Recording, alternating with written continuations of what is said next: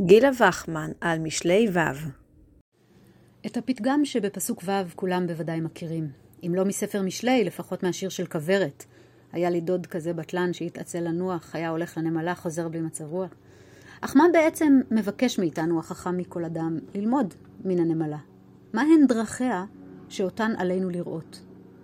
לכאורה ברור, הנמלה היא מופת לחריצות ולשקדנות. לא כך עולה מן הקריאה המדרשית של פסוק זה, במדרש דברים רבה, פרשת שופטים. לך אל נמלה עצל. מה ראה שלמה ללמוד לעצל מן הנמלה? אמרו חכמים, הנמלה הזאת שלושה בתים יש לה, ואינה כונסת בעליון מפני הדלף, כלומר מי הגשמים, ולא בתחתון מפני הטיט, כלומר מי התהום, אלא באמצע. ואינה חיה אלא שישה חודשים. וכל מאכלה אינה אלא חיטה ומחצה, והיא הולכת ומכנסת בקיץ כל מה שמוצאת, חיטה ושעורה ועדשים, והיא כונסת כל אלו. ולמה היא עושה כן? שאומרת, שמא יגזור עליי הקדוש ברוך הוא חיים, ואין לי מאכל לאכול. לפיכך אמר שלמה, לך אל נמלה עצל, אף אתם התקינו לכם מצוות מן העולם הזה לעולם הבא. מהו ראה דרכיה וחכם?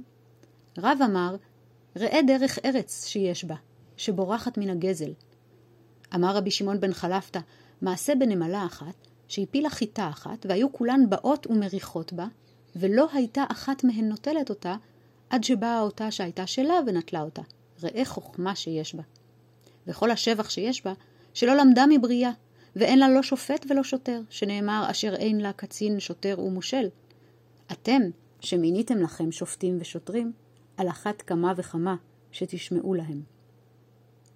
מסתבר שלא החריצות, אלא התבונה המעשית, היכן ראוי לכנוס את התבואה, החזון האופטימי, כמה מזון לאגור, והמוסר הטבעי, בורחת מן הגזל, הן דרכיה של הנמלה.